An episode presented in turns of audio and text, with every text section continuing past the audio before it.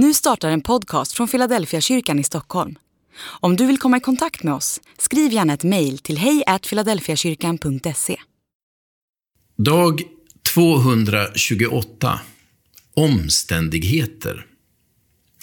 Det finns en realism i Jesu liknelser om åkrarna som jag vill stanna inför idag. Utan omsvep säger han att våra omständigheter kommer att förändras. Ingen kommer undan prövningar, svårigheter och motstånd. Det ser förmodligen olika ut för alla människor, men alla drabbas vi av sånt som vi inte kan förklara.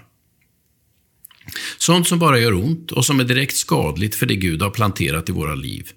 Det kan handla om sorg, relationsproblem, tvivel och grubblerier och så vidare. Med åren har jag insett att det som plågar en människa är hanterbart för en annan och tvärtom. Vi verkar ha olika beredskap för olika omständigheter, men gemensamt är att vi kommer att möta det som är skadligt för det som Gud har planterat i oss. Varför är det så? På det ger Jesus aldrig några tydliga svar. Gång på gång konstaterar han bara hur verkligheten fungerar. Några svar på lidandets problem ges inte. Jo, Jesus talar tydligt om en andemakt som står i direkt opposition till Gud och vars enda drivkraft verkar vara att stjäla, slakta och döda.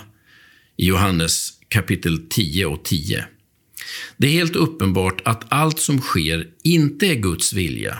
Tvärtom verkar rätt mycket i den här världen vara i direkt konflikt med vad Gud vill. Men varifrån har denna ondskans andemakt fått sin rätt att pina, plåga och sabotera? Jesus svarar inte på det.